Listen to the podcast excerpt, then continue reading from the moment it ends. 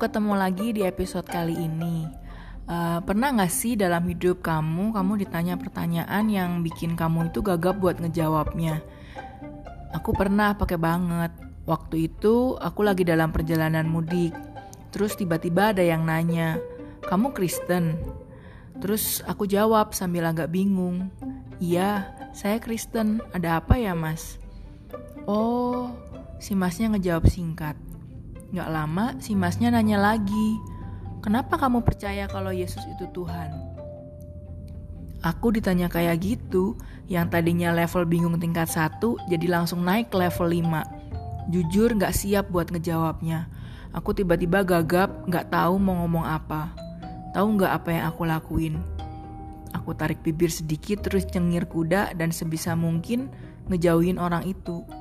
Duh, lagian si mas-mas ganteng kenapa sih nanyanya kayak gitu? Kenapa bukan nanya masih jomblo ya? Udah punya pendamping belum? Kalau kayak gitu kan aku pasti lebih siap ngejawabnya ya nggak? Tapi dari peristiwa itu aku jadi sempat bertanya dengan polosnya dalam hati. Tuhan, kenapa sih Tuhan Yesus disebut Tuhan? Mungkin kamu juga pernah ngalamin apa yang aku alamin kamu gak nyaman waktu ditanya, kenapa sih kamu percaya dan nyembah Yesus Kristus Tuhan? Mungkin juga selama ini kamu berpikir, percaya sih percaya aja, nyembah ya nyembah aja, gak usah ribet buat tahu kenapa sih kita meyakini Yesus adalah Tuhan. Jadi waktu ada orang nanya hal yang sangat pribadi tentang apa yang kamu imani, jiwa mudamu berontak, kamu ngerasa gerah dan terusik. Sebenarnya ngerasa nggak nyaman bukan karena nggak suka sama pertanyaannya, tapi lebih ke nggak tahu mau jawab apa, ya nggak? Anyway, dengan berjalannya waktu, aku akhirnya mulai dapet hal yang terang tentang pertanyaan yang waktu itu aku nggak bisa jawab. Awalnya aku diajakin teman buat ikut persekutuan doa di luar waktu ibadah. Terus mulai dari hari itu, aku mulai belajar Alkitab juga lebih dalam aku mulai mengerenungin ayat-ayat Alkitab. Terus kalau ada yang aku nggak ngerti, mulailah aku tanya-tanya, cari tahu apa artinya. Dan yang nggak ketinggalan, tentu saja harus juga jadi pelaku firman. Nah, akhirnya aku mulai dapat pengertian kenapa Yesus Kristus itu disebut Tuhan.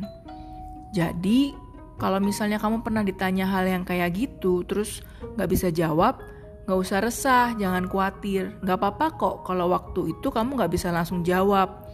Tapi jangan stop di situ. Kamu harus cari tahu dan benar-benar ngerti kenapa sih kamu nyembah Yesus sebagai Tuhan dan Juru Selamat. Jadi bukan cuma sekedar, ya aku percaya aja. Nah, dari situ kamu bisa cari jawabannya. Kamu sungguh-sungguh doa minta sama Tuhan buat nunjukin siapa dia yang sebenarnya. Coba belajar gali firman Tuhan lebih lagi dari sumber terpercaya, baca Alkitab. Dan kamu juga bisa bertanya sama hamba Tuhan atau pendeta di gereja kamu. Terus jangan lupa abis nanya cross check lagi ke Alkitab. Coba deh kamu ikutan uh, persekutuan doa, ikut komsel, karena kadang Tuhan bukan sesuatu tentang siapa dirinya itu lewat saudara seiman waktu kita ada dalam komunitas. Nah, mungkin saat ini uh, cukup susah buat kamu dapetin komunitas uh, offline karena kita harus stay di rumah. Tapi kamu bisa coba kontak ke gereja kamu, tanya-tanya deh, kira-kira kamu bisa join di komsel mana. Yuk mulai rajin-rajin baca Alkitab, merenungkan firmannya, dan jadi pelaku firman. Jangan pernah ngerasa puas cuma dengan seminggu sekali ibadah, tanpa kita pernah ngerti kenapa kita percaya Yesus Kristus Tuhan. Karena jawaban ya percaya aja itu nggak akan pernah cukup.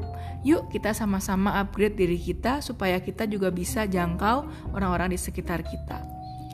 Akhirnya mau ditutup sama satu ayat dari Yesaya 55 ayat 6. Carilah Tuhan selama ia berkenan ditemui, berserulah kepadanya selama ia dekat. Selamat belajar.